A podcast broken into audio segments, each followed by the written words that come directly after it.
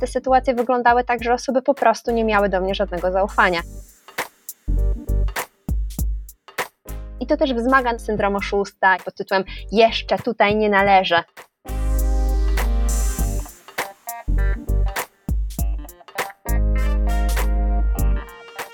Cześć, z tej strony Krzysztof Miotk, a to jest podcast UX po godzinach. Dzisiaj zapraszam Was do wysłuchania o jednym z tematów tabu, a dokładniej dyskryminacji ze względu na wiek, ale przewrotnie osób młodych. Na bazie naszych doświadczeń opowiemy wraz z Martyną Tarnawską, co o tym sądzimy i jak sobie z tym radziliśmy na różnych etapach kariery. Martyna to entuzjastka świata digital i nowych technologii, trener, facilitator i project manager. Od 2015 roku projektuje procesy rozwojowe, produkty i usługi. Przeprowadziła ponad 1000 godzin szkoleniowych i warsztatowych i wciąż ma ochotę na więcej. Swoją pierwszą pracę w Brand24 rozpoczęła jeszcze na pierwszym kierunku studiów, a potem wskoczyła w świat konsultingowy Socjomani, w którym jest od 7 lat. W temacie naszego odcinka oczywiście przygotowaliśmy dla Was również zagadkę. Który wyraz oznacza dyskryminację ze względu na młody wiek? Odpowiedź A. Ageism. Odpowiedź B. Adultyzm. I odpowiedź C. Youngizm. Oczywiście odpowiedź usłyszycie na końcu naszego odcinka. A teraz zapraszam do wysłuchania. Hej Martyno. Cześć, dzień dobry. Zanim zaczniemy, opowiem o kontekście tego odcinka, czyli dlaczego w ogóle powstaje. Temat tego odcinka przychodził do mnie i odchodził wielokrotnie, zwłaszcza gdy czytałem mnóstwo artykułów o dyskryminacji osób 40 plus w karierze i tego, że młodzi to mają trochę łatwiej. I zawsze nachodziła mnie myśl, kurczę, rzeczywiście osoby starsze mają problemy, ale wy serio nie wiecie, czego doświadczają ludzie młodzi, którzy obejmują takie poważniejsze stanowiska. No i kiedyś nawet napisałem o tym krótki post na LinkedInie i o dziwo dostałem wiele wiadomości na priv od młodych PM-ów i liderów, w tym również od Martyny, którzy mówili, że właśnie mają tak samo. I dosłownie dwa tygodnie temu dowiedziałem się, że Martyna jest niemalże moją rówieśniczką, stąd napisałem mniej więcej ze słowami hej Martyno, widzę, że jesteśmy w podobnym wieku, wiem ile osiągnęłaś, no i stawiam nieśmiało tezę, że doświadczyłaś w karierze dyskryminacji ze względu na wiek, czy możesz mi to potwierdzić lub temu zaprzeczyć? A jeżeli potwierdzisz, może pogadamy o tym w podcaście. No i tak właśnie jesteśmy, więc witam Cię bardzo serdecznie, Martyno, i zaczynam od pierwszego pytania.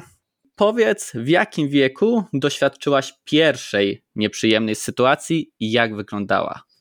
Wiesz co, to może dla kontry, ale żeby pokazać też e, wielkość tego problemu, o którym mówisz, opowiem mhm. Ci najpierw o ostatnim, w sensie najświeższym przykładzie i wrócę później do tego pierwszego. Dlaczego najświeższym? Bo e, mam taką urodę młodą, to dobrze, e, i dalej jestem przed trzydziestką i dalej doświadczam ciekawych sytuacji. Ja zawsze raczej pojmuję je w kategorii śmiesznotka, którą mogę opowiedzieć znajomym albo na podcaście.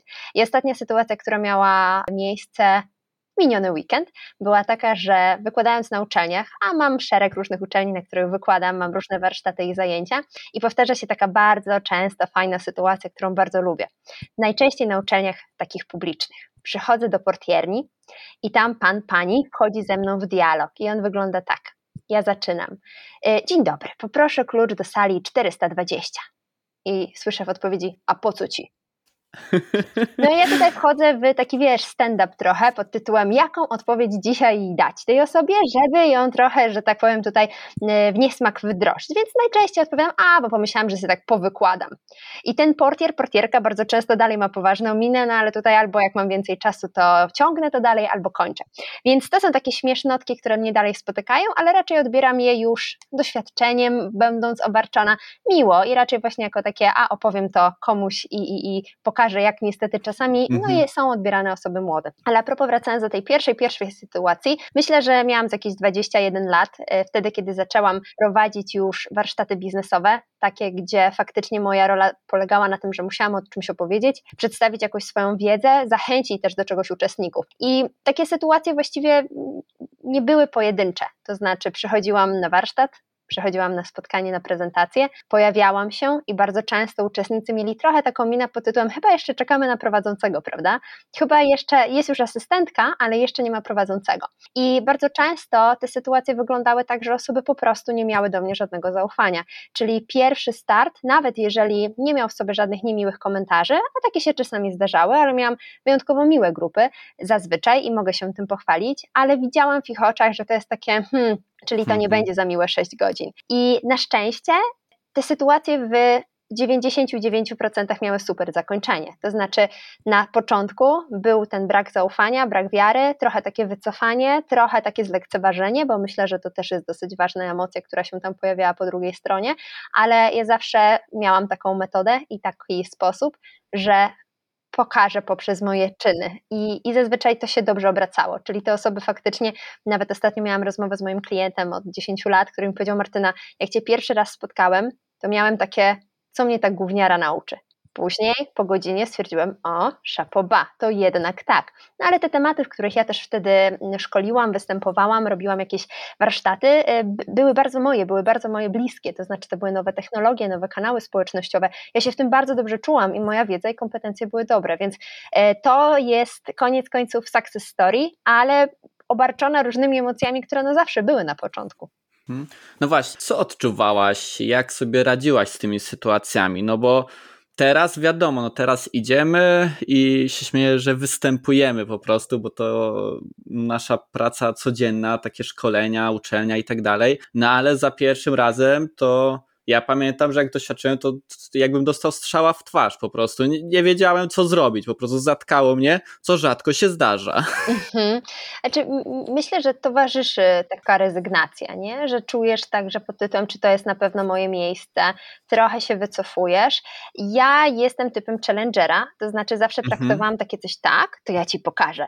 E, I to raczej, wiesz, działało na mnie motywująco, bo wchodziłam trochę w taką rolę, dobra, to to jest moje wyzwanie, ja się muszę pokazać, że jest jestem na właściwym mhm. miejscu i, i się tu dobrze czuję. I zazwyczaj to działało, e, więc takie trochę przekonanie siebie i wzięcie tego jako Twoją siłę, bo to jest w ogóle mój taki sposób, z którym sobie radziłam, to znaczy, żeby wykorzystywać ten atut młodości, ten taki kult młodości czy tam świeżości i to jest coś, na czym też gdzieś tam zbudowałam te swoje pierwsze ścieżki. E, więc jak sobie z tym radziłam, wracając do sedna, myślę, że starałam się za długo nie być zrezygnowana, tylko najpierw przejęłam tą emocję, dobra, okej, okay, czuję, że jest pewne powątpiewanie we mnie, to teraz co mogę zrobić, żeby to zlikwidować u tej drugiej strony? No, w sumie jak się zastanowię, to miałem chyba podobnie. Teraz też w sumie odpowiem może pierwszą historię, taką pierwszą, którą bardzo mocno pamiętam, mhm. E, to miałem e, rozmowę kwalifikacyjną, a właściwie serię rozmów kwalifikacyjnych, no bo to w korpo, no to wiadomo, to tam nie można mieć jednej, to trzeba mieć pięć. Rzeczywiście przeszedłem przez te wszystkie jakieś tam e, etapy, już podpisuję umowę, dostałem umowę od tej menadżerki, tej przyszłej przełożonej, no i podpisuję, oddaję, no i ona mi zwraca umowę, i mówi, że mam błąd w PESEL-u. A ja także, o kurczę, przepraszam, bo wie pani, jedyne co wyniosłem z matury to, to PESEL, no nie? Więc, więc z pamięci leciałem, już, już patrzę na dowód i poprawiam. No i patrzę na dowód, patrzę, patrzę, no oddaję, oddaję kartkę, mówię, że, że nie, że wszystko jest ok. Ona, nie, nie, tu się rocznik nie zgadza. I ja taki szok w ogóle, ale, ale o co chodzi? No my nie zatrudniamy tak młodych ludzi, E, bo ja miałam wtedy 20, 21 lat e, jakoś i powiedziała, że my nie zatrudniamy takich ludzi, bo no, ma pan tutaj pracować przy ubezpieczeniach, my potrzebujemy e, osoby doświadczonej życiowo, bo o. klienci pana zjedzą. Cie, cie, ja mówię, że no tak, tak, więc to był ciekawy argument. Mówię, no tak, no ale w końcu przeszedłem przez te wszystkie etapy rekrutacji, no i tych starszych kandydatów, no chyba pokonałem. No jednak to nie był jeden etap. No i tak dyskutowaliśmy, dyskutowaliśmy, no i potrzebowała dwa dni na, na namysł i rzeczywiście e, dostałem informację, że mam wrócić do biura. Wtedy przyszedłem, e, podpisywałem już i brakowało mi jednej rzeczy, formalnej, którą nie miałem przy sobie, czyli e, świadectwa maturalnego. U nich było wykształcenie wymagane jako, mhm. E, jako must have i powiedziałem, że spoko, że dowiozę wieczorem, bo mam po prostu w domu rodzinnym. Prześlę skan i będzie wszystko ok. I tutaj bardzo serdecznie pozdrawiam Mateusza Ojdowskiego, który zadzwonił zanim dojechałem. I tak się zaczęła moja praca w UX-ie, że on zadzwonił i powiedział absolutnie coś innego. To było dla mnie szok, jak dwie różne mogą być rekrutacje. Zadzwonił do mnie. Ja mu opowiedziałem, że się zgodziłem tam, a on powiedział: Wiesz, Krzysiek, ja ci powiem nie jako przyszły szef, ale jako taki starszy brat, co ja o tym myślę. Mhm. I pomyślałem, tak, to jest miejsce, w którym będą mnie szanować, a nie patrzeć, co mam w PESEL-u. Więc, e, więc tak, więc rzeczywiście pamiętam, że ta argumentacja też tam była z mojej strony, że właśnie, że przyszedłem przez te etapy, że przecież były starsze osoby, więc chyba powinna zaufać we własny proces rekrutacyjny, który stworzyła mhm. i to jakoś zadziałało, no ale na szczęście, na szczęście e, przez przypadek e, nie dostałem tej pracy, bo nie dostałem tego świadectwa maturalnego, czy tam szkoły średniej, już nie pamiętam, co było wymagane. Więc tak, więc myślę, że to jest rada dla naszych młodych słuchaczy, żeby nie bać się. Ale patrz, jaka to jest hipokryzja. Mhm. Y, mówię o hipokryzji, dlatego że dzisiaj minęło trochę lat od tego wydarzenia Twojego, ale jak dużo firm, z którymi ja pracuję, czy gdzie się obserwuję, właśnie głównym ich celem rekrutacyjnym jest pozyskanie im młodszych, tak. im świeższych, im e, wcześniej wchodzących na rynek pracy osób, o fajnym takim mindsetie nastawionym na growth i na mhm. uczenie się i na eksplorowanie. I jednak to się zmienia. Ja jestem dużą optymistką pod tym kątem, ale wspomniałeś o jednej ważnej rzeczy, bo ja powiedziałam o emocji wycofania, ty powiedziałeś o emocji takiej, że nie czuję szacunku, a jak nie czuję szacunku, że mam zbudowany safe space i inni mnie słuchają, hmm. mam takie prawo zasiadania przy stole, ja też znam te twoje emocje, mnie się wydawało, że ja muszę bardzo dużo zasłużyć, żeby móc zaprezentować swój tak. pomysł i e, no to to jest gdzieś i to też wzmaga na przykład jakiegoś tam, nie wiem, syndromu szósta i tak dalej pod tytułem jeszcze tutaj nie należę i mogę zrobić bardzo dużo, ale czasem się okazuje, że musisz przeżyć plus 5-10 lat to jest niesprawiedliwe. Tak. Miejsce przy stole też mi e, przypomina pewną sytuację z banku, mhm. e, gdzie pracowałem i oglądałem sesje badawcze. Byłem jako obserwator i moja obecna przyjaciółka, wtedy ledwo się jeszcze znaliśmy, szła na przerwę kawową z, z departamentem biznesu. Tam jakoś zaczęli mój wątek. Ja szedłem do toalety, więc mi nie było przy tym. Zaczęli mój wątek, ona no ty bardziej, że Krzysiu jest taki młody, coś tam powiedziała, e, no i oni się spytali ile mam lat, tam Natalia odpowiedziała, no i wróciliśmy i pierwsze co słyszałem, kurczę, skończyła nam się kawa, Krzysiaczku, bo ty jesteś taki młody, my słyszeliśmy, może skoczysz. A wiesz, Danuta, jakbyśmy się spyknęli szybciej, to Krzysiaczek byłby naszym dzieckiem. I pamiętam, że wtedy weszła moja liderka akurat i usłyszała to i takich zjechała po prostu, że jedyne co zrobili to strzelili buraka, za co byłem niesamowicie wdzięczny. Jestem, bo mnie to zamurowało, wiesz, słyszysz, mhm. jakby przez pół dnia obserwujecie sesję, wymieniacie się argumentami, mówicie co zmienić, jak to może wpłynąć na biznes, jest przerwa kawowa, która trwa 10 minut i oni zaczynają do ciebie mówić Krzysiaczku, mhm. nieś mi kawę. I tak, mhm. wtedy rzeczywiście człowiek czuje, że chyba nie zasługuje na to, żeby tu siedzieć, mimo że pół godziny temu była całkowicie inna rozmowa. Ale wiesz, to chyba zależy od kultury organizacyjnej. W sensie to jest dla mnie trochę sprawdzian klienta, bo czy w ogóle współpracowników, bo jeżeli takie sytuacje się powtarzają, to jest to dla mnie tak. sygnał, hmm, chyba nie popracujemy dłużej. Ja też miałam dużo takich przykładów, o których mówisz, że wręcz wprost e, klient powiedział mi, wiesz co Martyna, nie dostaniesz tej oferty z racji na to, że jesteś za młoda, mhm. jesteś za młodą kobietą, bo ja jeszcze mam ten aspekt. My mamy tutaj poważny biznes, poważną branżę, nasi, to co mówiłeś też, uczestnicy na przykład się zjedzą, więc to jest według mnie też taka dobra porada, żeby w ten sposób ewaluować, czy tam walidować, czy to tak. jest na pewno zespół, czy klient, z którym chcę pracować, bo to będzie wracać, nie? To nastawienie wydaje mi się, że jest mhm. czymś, co my możemy nad tym pracować. To jest jakiś mindset i to jest jakaś wartość. I y, mogę Cię zaskoczyć dobrą historią, bo opowiadamy o, historie takie. E, ale to było dla mnie aż e, bardzo miłe e, i bardzo dużo mnie nauczyło, ponieważ zazwyczaj to, że byłam najmłodsza, odbierałam trochę pejoratywnie. Mhm. Czyli będę musiała więcej robić, będę musiała się więcej przysłużyć, będę musiała pokazać i udowodnić, że hej, mam wiedzę i mam coś, co mogę ci przekazać. Mhm. Ale kiedy pojechałam na moje studia na Hyper Island, to było w Londynie, mieliśmy bardzo multikulturalną grupę. Mhm. I byłam tam najmłodsza. Najstarszy mój kolega, z którym często byłam zresztą w grupie, miał 65 mhm. lat, ja wtedy miałam 24. I jak oni się dowiedzieli, ile mam lat, to powiem Ci, że zapałali tak wielkim entuzjazmem i takim wielkim szacunkiem mhm. pod tytułem wow, ty masz tyle lat, myśmy potrzebowali wiele więcej do tego, żeby dojrzeć do tej decyzji, żeby się tu znaleźć, mhm. żeby mieć taki pomysł, a ty jesteś na równi z nami i gadasz na te tematy strategiczne, o których my. I oni mi dawali tak ogromne wsparcie, taką motywację. Oni mówili często, że jestem tą najmłodszą perełką, ale w sensie, wiesz, zwracali mhm. uwagę na to, ale bardzo pozytywnie. To było wsparcie, którego nigdy od nich nie zapomnę i było cudowne i ono mnie chyba tak ukuło, hej, będę tym grała, czemu nie? Mhm. Okej. Okay. No, brzmi, brzmi fajnie i chciałem przez chwilę powiedzieć, że może to jest różnica kulturalna, ale stanę w obronie Polaków i Polek, okay. E, bo przypomniała mi się sytuacja jeszcze z nie tak dawna, bo z zeszłego semestru właśnie, wiadomo, na uczelnię mhm. jak chodziłem, jak wykładam, to często, tak jak ty pewnie, przed osobami starszymi o, od nas. Bywa i tak. Dawno właśnie usłyszałem od jednej studentki, napisała do mnie, że mega podziwia właśnie e, to, ile osiągnąłem w tym wieku i że dla niej to jest niesamowita fascynacja uczyć się od kogoś takiego, bo mam inne podejście. E, więc e, wydaje mi się, że dużo osób to docenia tylko że no pewnie też odczuwamy emocjonalnie, wiadomo, negatywne emocje zawsze są silniejsze, e, więc bardziej zostają w mhm. pamięci, więc mam nadzieję, że takiej sytuacji będzie jak najmniej. Bo, wiesz co, chciałam Ci powiedzieć, że wydaje mi się, że to, co otwiera mhm. oczy i też jest taką poradą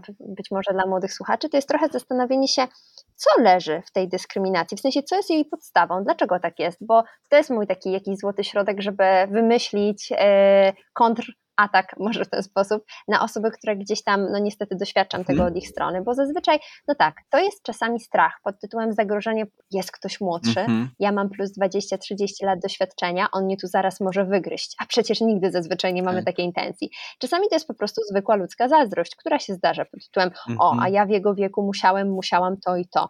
A czasami to jest też takie brak znania, e, brak e, budowania zaufania, bo ja tego jeszcze nie znam, ja jeszcze nie poznałem tej sytuacji, ja nie mam świadomości, i ja nie współpracowałem z takimi ludźmi. Ja zauważam, że najwięcej dyskryminacji bierze się z tego, że my czegoś tak. nie rozumiemy e, albo nie spotkaliśmy się z tym. I ten cały, nie wiem czy w ogóle znalazłeś, że dyskryminacja wieku, bo sobie hmm. poszukałam na ten temat, ma trzy różne bardzo zabawne, w sensie zabawne, bo nigdy nie usłyszałam, żeby hmm. ktoś o nich mówił, ale nazwy, że niektórzy nazywają to hmm. wiekizmem, z angielskiego ageism albo adultyzmem, czyli mhm. właśnie ta dyskryminacja ze względu na zbyt młody lub wydawałoby się oczywiście zbyt mhm. dojrzały wiek.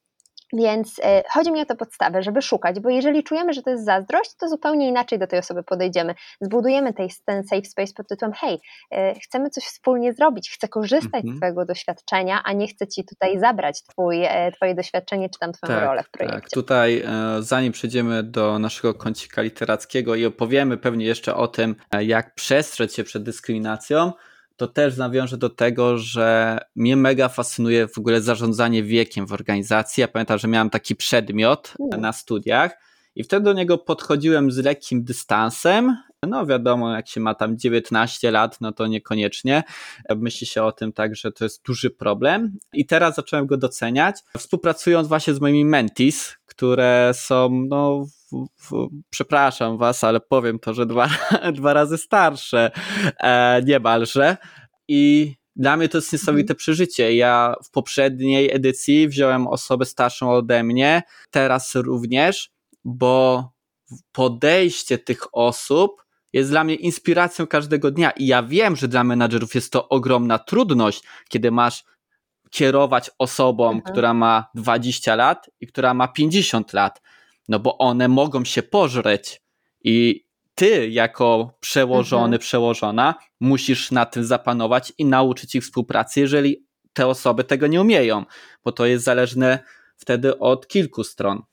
E, niemniej efekt jest zawsze mhm. fenomenalny, tak jak widzę z moich doświadczeń, że może dać mnóstwo korzyści, tylko znowu występuje ten strach, o którym mówiłaś, że co, co jeżeli będzie mhm. więcej konfliktów niż korzyści.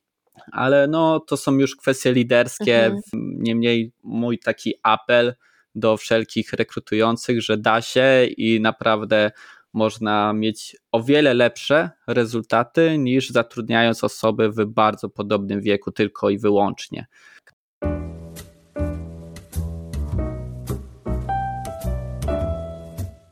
Witamy Was w kąciku kulturalnym i pierwsze pytanie w nim, które leci do Ciebie to jaką ciekawą książkę ostatnio przeczytałaś i co z niej wyniosłaś? Ja mam taki dobry albo niedobry zwyczaj, że czytam mm. dużo książek równolegle i czasami wszystko mi się mieści w jednej historii, w sensie w mojej głowie już czasami zapominam, który cytat okay. albo spostrzeżenie było z której. Ale myślę, że chyba najciekawsza taka, która da mi bardzo dużo do myślenia, mhm. to jest reportaż. W ogóle reportaże to jest jedna z moich ulubionych, e, jeden z ulubionych gatunków, bo on mi bardzo dużo otwiera. Książki biznesowe są fantastyczne, mhm. często dają nam dużo inspiracji, ale to reportaże pokazują taki żywy świat. E, czasem taki, do którego mhm. chciałbyś przynależeć, a czasami taki, który jest dla ciebie kompletnie abstrakcyjny.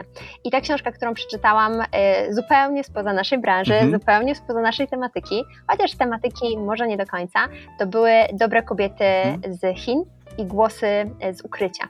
Był to reportaż e, dziewczyny, która przez długie lata była mhm. reporterką radiową w Chinach, e, później wyemigrowała do Wielkiej Brytanii i opowiedziała historie, które usłyszała, wywiady, które zrobiła z różnymi reprezentantkami mhm. kobiet chińskich. I fantastyczne były te historie. Były bardzo smutne, mhm. były wręcz tragiczne. Była tym dyskryminacja ze względu na wiek, ze względu na status społeczny, ze względu na płeć oczywiście przede wszystkim. I powiem Ci, że to są tego typu historie, że ja to czytam i cieszę się, że jestem w tym miejscu, w którym jestem i zadaję sobie pytanie, hej, jak mogę pomóc? Może nie zupełnie innej kulturze, do której nie przynależę, mhm. ale mojej kulturze. W sensie, jeżeli taka sytuacja by się wydarzyła u nas, co mogę zrobić, żeby mhm. nigdy do tego nie dopuścić? I to było dla mnie wielką inspiracją. Polecam wszystkim. Ja w ogóle jestem fanką brania ciężkich lektur na wakacje i wiesz, czytania. Ostatnio czytałam o Czarnobylu na wakacjach albo o różnych historiach z Auschwitz. W sensie one, chodzi mi o to, że bardzo nastawiają otwierają mi oczy na to, że świat jest piękny, naprawdę, y, ale jest wiele historii, których powinniśmy uniknąć, żeby już nigdy się nie powtórzyły. Więc y, tak, Dobre kobiety z Chin to jest jedna z rzeczy, które bardzo polecam i książka, która jest trudna, ale wydaje mi się, że warta do przeczytania okay, i dla kobiet, i dla okay. mężczyzn. Czy masz jakąś książkę, artykuł, filmik, czy jakikolwiek inny materiał, oprócz tej książki, który polecasz właśnie w temacie naszego odcinka, co warto posłuchać, przeczytać? Przypuszczam, że zadasz mi to pytanie i powiem Ci, że mhm. miałam z nim pewne wyzwanie, bo nie znam i nie czytałam książki, ani jak, czy to jakkolwiek mhm. fabularnej, poradnikowej, czy to naukowej, która by poruszała ten temat. I y, spotykam się z tym tylko mhm. pragmatycznie w moim doświadczeniu, ale też w rozmowach z innymi. I wydaje mi się, że taką największą inspiracją, do którą ja, do której ja często gdzieś uciekam, to mhm. są książki biograficzne. Ale nie tylko ludzi, którzy, wiesz, są dla nas jakimiś ikonami, ale często są kompletnie z innej bajki. I bardzo często mhm. książki biograficzne dużo uczą o tym, jak osoba w ogóle zaczęła, jakie było jej intro, jakie było, jaka była jej rozgrzewka do jej mhm. kariery, bo ja to tak nazywam. I czasami ona jest kuriozalna pod tytułem kompletnie inna branża, kompletnie inne zadanie i cudem się gdzieś znalazł ktoś w innym miejscu, a czasami jest pokazanie bardzo ciężkiej, systematycznej pracy, która go tam E, ją albo jego doprowadziła. I książki biograficzne wydaje mi się, że nam dużo dadzą. E, nawet jeżeli mielibyśmy czytać tylko połowę książki, co było na początku historii, bo końcówkę znamy. E, bardzo polecam. Wydaje mi się, że one też dużo otwierają w głowie, też pokazują fajne historie, które są autentyczne.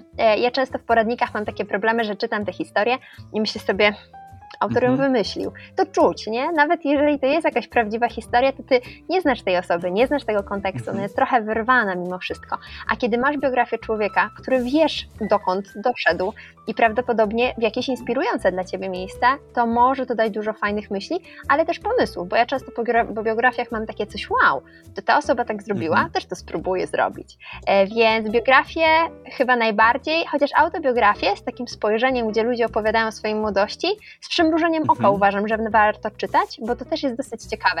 E, ale zauważyłeś, że jest duża gloryfikacja młodości? Jak czytam jakiekolwiek książki autobiograficzne, to osoby bardzo to gloryfikują pod tytułem, to jest taka typowa historia amerykańska, nie tylko w amerykańskich autobiografiach, pod tytułem e, było mi bardzo ciężko, praktycznie byłem na skraju, byłam na skraju wyczerpania, ale udało mi się i jestem teraz na szczycie Mount Everest.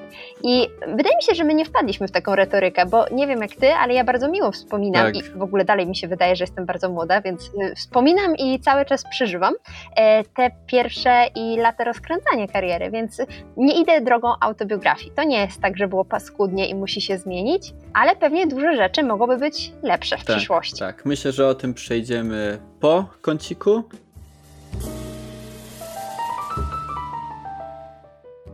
No dobra, zaczęłaś już w kąciku kulturalnym mówić o tym, czy było ciężko, czy jest ciężko jak to postrzegałem. Myślę, że to jest świetny temat, więc zacznijmy go. Właśnie, jak to postrzegasz? Jak postrzegasz to, że czasem mamy jakieś kłody pod nogami, ale jednak mimo wszystko robimy to, co robimy i idziemy naprzód. Myślę, że to hartuje nas dosyć dobrze. Każde wyzwanie, jakiekolwiek by nie mhm. było, bo ono zawsze będzie. Jak nie to związane z dyskryminacją wieku, to związane z mhm. dyskryminacją płci, branży, doświadczenia, statusu, nie wiem, miejscowości, z której ktoś wyszedł i tak dalej. Więc Kłody mhm. powinny według mnie być, ale e, dobrze, jeżeli a my wiemy, jak z nich wyjść i też inni nas w tym wspierają. Więc ja e, nie żałuję tego, że miałam różne mhm. historie i miewam je do dzisiaj, ponieważ obracam je trochę w swoją korzyść trochę w swoją taką tarczę obronną i pozytywną, ale, ale masz rację, że faktycznie te, te kłody mogą u niektórych spowodować, że oni się zatrzymają i stwierdzą, oho, to ja się tutaj mhm. zatrzymuję, to chyba jednak nie jest dla mnie moment i nie idę dalej. Nasze historie są takie, że wiesz, kopnęliśmy kłodę i szliśmy dalej, mhm. E, ale to pewnie wynika bardziej z naszej osobowości, tak. a może tego, jakie wsparcie dostaliśmy od innych, ale wydaje mi się, że super jest, jak wyciągamy rękę do tych osób. I jak widzimy, że mają kłodę, to nawet powiedzieć, hej, widzę, że tu jesteś, ja cię dostrzegam, rozumiem, że masz ten problem. Może miałam, może nie miałem go w przeszłości, ale wiem przez co przechodzisz i chodź tak. ze mną dalej, bo warto, mhm. nie? jakby warto to przejść. Tak, ja się tutaj absolutnie zgadzam i rzeczywiście też mam nadzieję, że traktuję osoby młodsze tak, jak sam chciałbym być traktowany. Zawsze mam podejście takie do studentów, że oni mogą nas mhm. mega zainspirować i e, dać ten przypływ świeżości, bo oni często są zafascynowani, czytają w ogóle rzeczy, na które my nie mamy czasu, więc są też dawką wiedzy dla nas. Uważam, że trzeba zawsze podchodzić do nich na poważnie, do tego, co mówią. Kiedyś przeczytałem śmieszny cytat, tekst czy motto, e, że bądź takim seniorem, jakiego chciałeś mieć, kiedy byłeś juniorem. I stwierdzam, mhm. że to jest absolutnie kwintesencja tego, jak powinniśmy podchodzić do osób młodszych. I tak, też to wsparcie, o którym mówisz, myślę, że jest mega istotne, czyli żeby znaleźć kogoś, kto, kto was wesprze, wysłucha chociaż, e, więc warto mieć. To nie musi być kolega, koleżanka z branży, po prostu wasz przyjaciel, partner, partnerka. Osoba dopingująca. Ja to zawsze nazywam osobami dopingującymi. Tak, też. Choć jak sobie znowu przypomnę reakcję Dominiki, mojej liderki z, z banku, to pamiętam, że nabrałem do niej wtedy tak ogromnego szacunku, mimo że miałem szacunek do niej, to wtedy tak urosła w moich oczach, bo rzeczywiście ona mi pomogła jako jedyna wtedy w tym otoczeniu, tym, z tym tematem, z tym, czego doświadczałem i czego, co odczuwałem w danej chwili. Więc myślę, że to też jest ciekawy wątek, czego oczekujesz albo bardziej oczekiwałaś w przyszłości od otoczenia, kiedy słyszałaś takie nieprzychylne komentarze. Mm, tak, myślę, że to wsparcie ono może różnie wyglądać, bo tak jak mówimy, to może być doping, a to może być konkretna mhm. reakcja. Oczekiwałam przede wszystkim. Yy, takiego zaproszenia mnie wtedy do dyskusji, bo zazwyczaj, kiedy się słyszało takie dyskryminujące uwagi pod tytułem dobra, to Martyna może kiedy indziej się tutaj wypowie, albo na razie się przysłuchuj, mhm. a już za dwa, trzy lata może coś mhm. dodasz od siebie, to potrzebowałabym i, i to na pewno byłoby dużą siłą sprawczą dla mnie i staram się to teraz dawać osobom młodszym ode mnie, właśnie takie zaproszenie, a ty co mhm. sądzisz? Mhm. Zadawanie pytań, prawda? Reagowanie, nawet nie stawanie w obronie, bo stawanie w obronie już buduje jakąś taką relację dla kontry, ta mhm. osoba i tak wejdzie w konflikt i tak i tak, ale właśnie takie zapraszanie pod tytułem współtworzenie z tą osobą, zadawanie jej pytań, yy, chcenie dowiedzenia się więcej, co ja uważam albo czego ja nie uważam, nie tylko dawanie okazji do przysłuchania się i obserwacji, mhm. chociaż to też jest bardzo cenne, bo wiesz, że się pewnie dużo uczymy z tego, ale właśnie takie zaproszenie do dyskusji. Myślę, że takiego wsparcia chyba najbardziej bym oczekiwała i chyba, wiesz, takiego kredytu zaufania, mhm.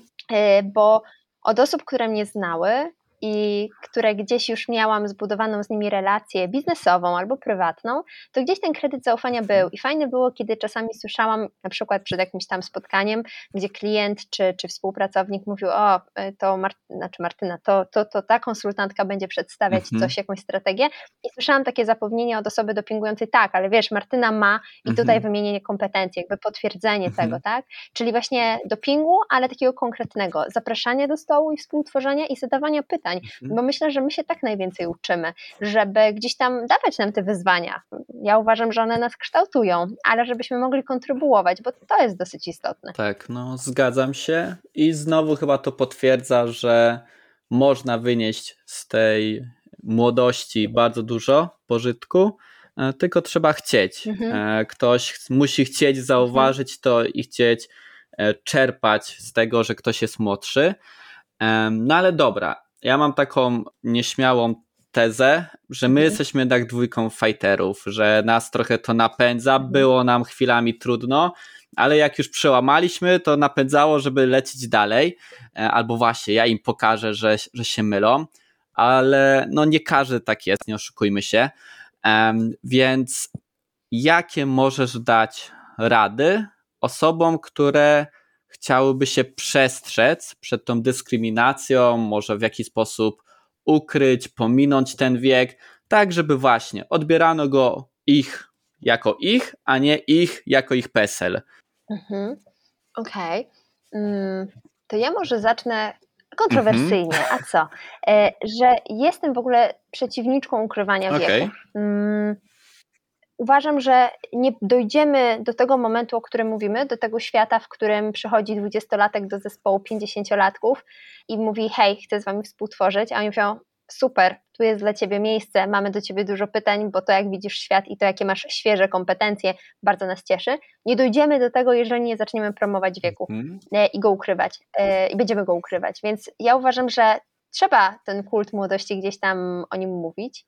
Ja e, nawet mam taką misję gdzieś mimo wszystko wręcz otwartego pisania o tym, jak ile mam lat. Jest to dostępne w moich Tak, dlatego się dowiedziałem. No widzisz, inaczej byś się nie dowiedział e, i, i byłoby inaczej. I mhm. musiałbyś rozpoznać po wieku, a kobieta o wiek nie, wy, nie wypada pytać, inaczej niż w przypadku facetów, nie? Chociaż to też wydaje mi się, że nie jest odpowiednie. Więc tak, ja mam taką taktykę bardzo dużej transparencji, bo uważam, że tym motywuję i otwieram bardzo wielu osób, wiele osób. Mhm. Kiedy rozmawiam z moimi studentami i mówię, hej, bardzo mi miło się z wami widzieć, e, niedawno skończyłam ten sam kierunek, który wy, dokładnie rok temu i oni mają takie, wow, to ty masz tyle lat? A ja mówię, tak. E, a oni mówią, wow, i to jest bardzo fajnie mm. otwierające, wiesz, w sensie budujesz mniejszy dystans. I według mnie takie uświadamianie, mówienie śmiało, mam tyle lat, jestem tu i tu, przez to być może części rzeczy nie wiem, być może części już rzeczy mhm. wiem, jest bardzo otwierające. Ale zadałeś mi pytanie, zanim zaczęłam się jakby gdzieś tam kwestionować to mhm. ukrywanie, co według mnie pomaga, w sensie co można mm przestrzec. Na pewno bardzo mocne przygotowywanie się i nastawienie na naukę. W sensie, mm wiesz, mówimy teraz o bardzo takiej sytuacji, że mamy osoby z doczynieniem takim w ogóle z nastawieniem na taki growth mhm. mindset. To znaczy, chcę się uczyć, chcę doświadczać, każda moja porażka do czegoś mnie przybliża, ale to jest część społeczeństwa, nie zawsze większa w naszych mhm. kręgach. Mhm.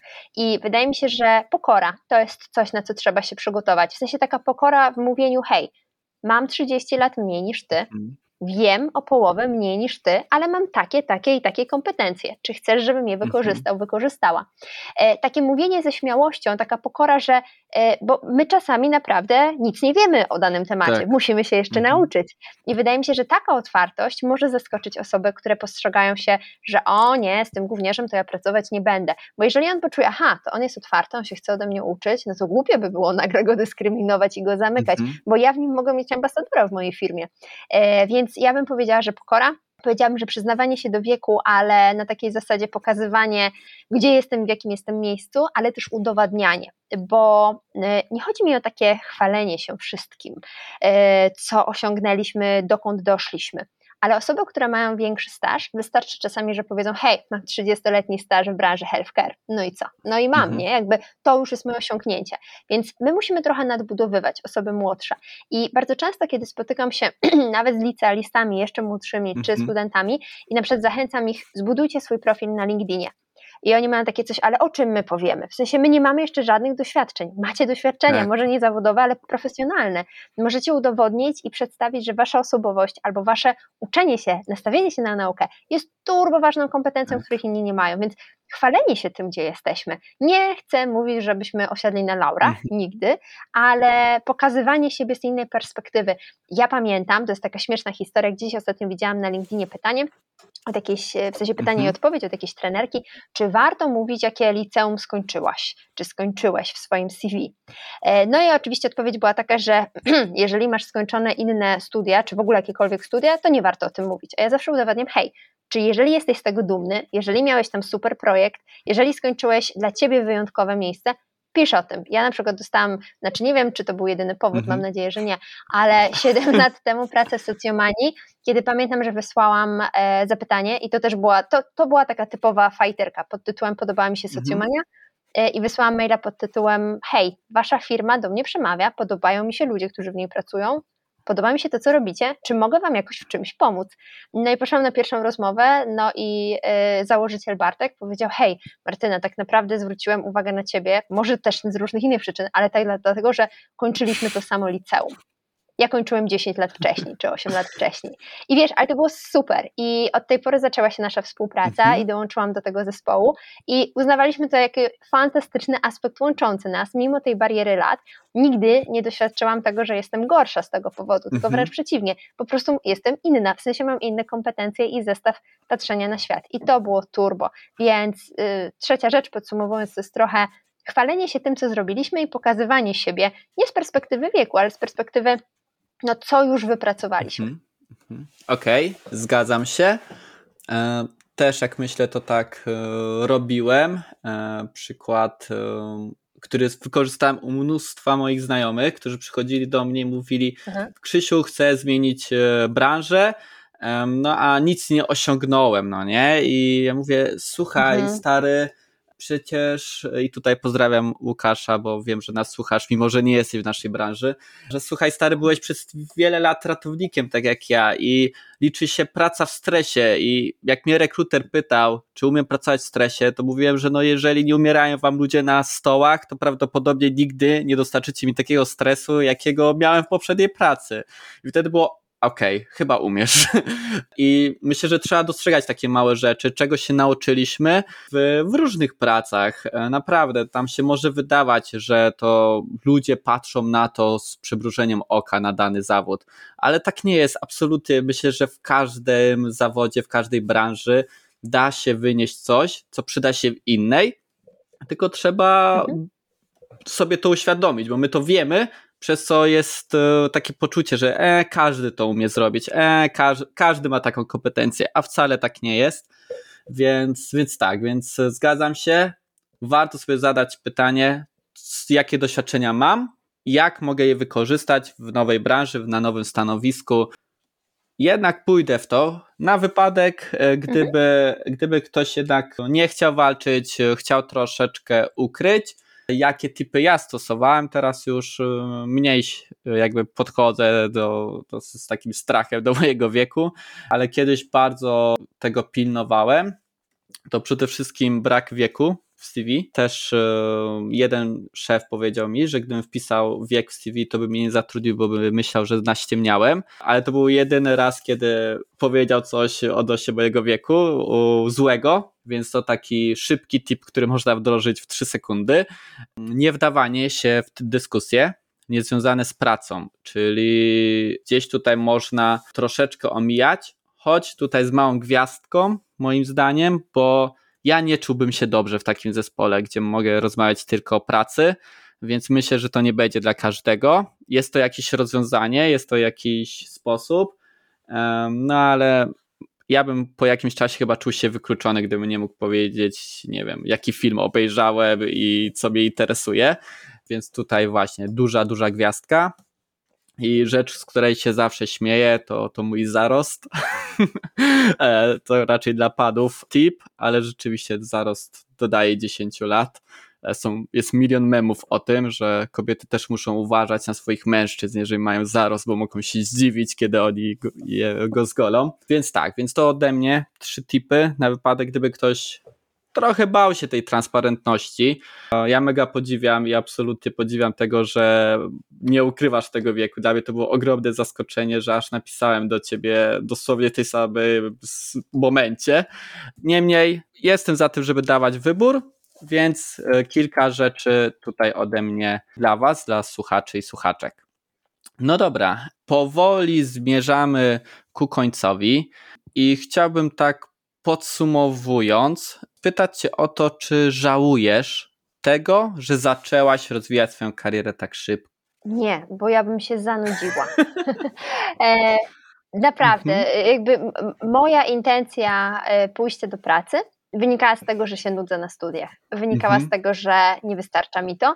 I ja po prostu chciałam coś robić. I pamiętam e, rozmowę z moją mamą, która kiedyś, jak chyba już zarekrutowałam do jednej z pierwszych prac, i powiedziała mi: Martyna, ale nie chcesz jeszcze skorzystać z tego czasu mhm. dla siebie, zrobić sobie jeszcze trochę więcej wolności, poeksplorować, poczytać, mieć tą możliwość, bo przyjdzie praca i trudno ci będzie już później wziąć ten gapier. Nie musisz tak. tego robić. Masz od nas wsparcie, możesz studiować. I to było super, turbo, wielkie mhm. wsparcie od moich rodziców i bardzo ich za to cenię.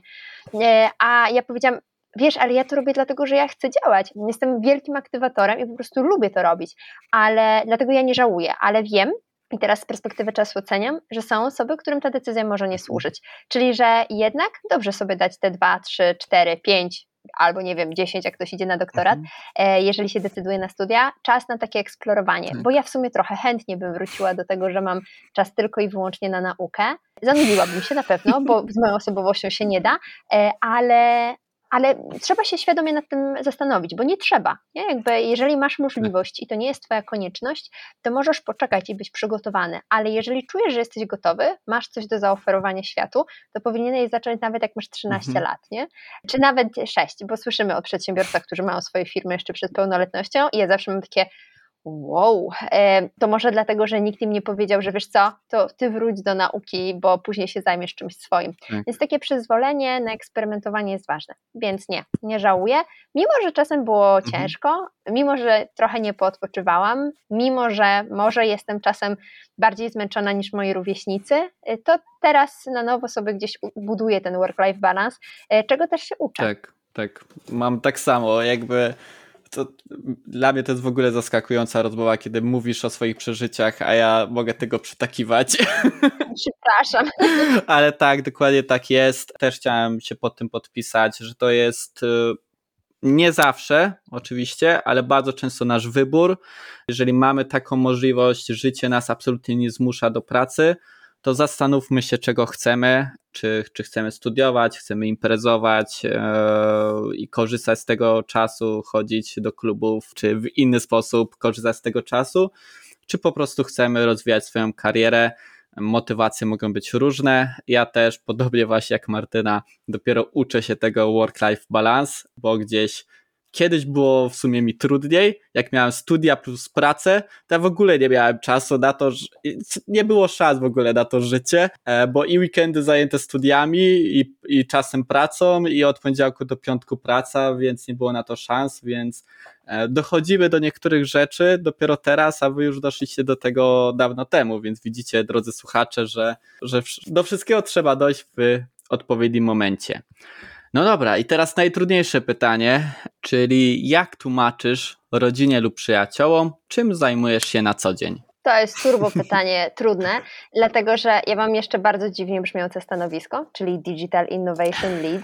Ja czasami muszę rówieśnikom tłumaczyć, czym ja się zajmuję i co to oznacza, bo jest ono wymyślone przeze mnie, jest niepowtarzalne. E, ale jak tłumaczę moim bliskim, pamiętam jak mojej świętej pamięci babci tłumaczyłam, babciu, ja pomagam ludziom, żeby oni zrozumieli technologię i ją dobrze wykorzystywali. I babcia wtedy mówiła, okej, okay, dobra, ale płacą ci za to? Ja mówię, tak, całkiem nieźle. E, więc, e, no, ale takie tłumaczenie internetu, kiedyś mieliśmy taką misję w socjomanii i myślę, że ona jest mi bardzo bliska. To mhm. tłumaczenie nowych technologii e, i uczenie innych, nie? Okej, okay. dzięki, dzięki. Jak płacą ci za to, to dobrze. To dobrze, to, to rób to dalej. Dobrze, z mojej strony to wszystko. Bardzo Tobie dziękuję za dzisiejsze spotkanie, za rozmowę, za wiele interesujących, myślę, faktów i historii. Drodzy słuchacze i słuchaczki, dajcie znać, jak Wam się podobało. Jeżeli będziecie mieli jakieś pytania, to oczywiście możecie gdzieś tam komentować. Ja też szturnę Martynę, że jest jakaś, e, jakieś pytanie, to pewnie Wam odpowie. Właśnie znając Martynę, to chyba zawsze odpowiada. Tak, nawet na te niewygodne lubię odpowiadać, chyba nawet najbardziej, więc można swobodnie zrobić e, Q&A. Dobra, to tak się umówmy. Jeżeli macie też jakieś kontrowersyjne pytania, to pytajcie, a my postaramy się im sprostać. Tymczasem dzięki wielkie za wysłuchanie. Pamiętajcie, aby polubić nasz fanpage na Facebooku, zasubskrybować Spotify'a i w ogóle jest e, nowa opcja dania oceny, więc jeżeli Wam się podobało, to 5 gwiazdek mile widzianych. No i słyszymy się w kolejnym odcinku. Do usłyszenia. Pa.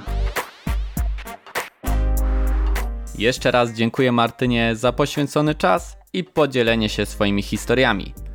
Jeżeli jednak chodzi o rozwiązanie naszej zagadki, która brzmiała, który wyraz oznacza dyskryminację ze względu na młody wiek, to prawidłowa odpowiedź to odpowiedź B adultyzm. Taka ciekawostka przy okazji, odpowiedź C youngizm oznacza nurt literacki w drugiej połowie XVIII wieku i na początku XIX. Tymczasem dzięki za wysłuchanie. Pamiętajcie, aby polajkować nas na socialach i śledzić UX po godzinach. Cześć!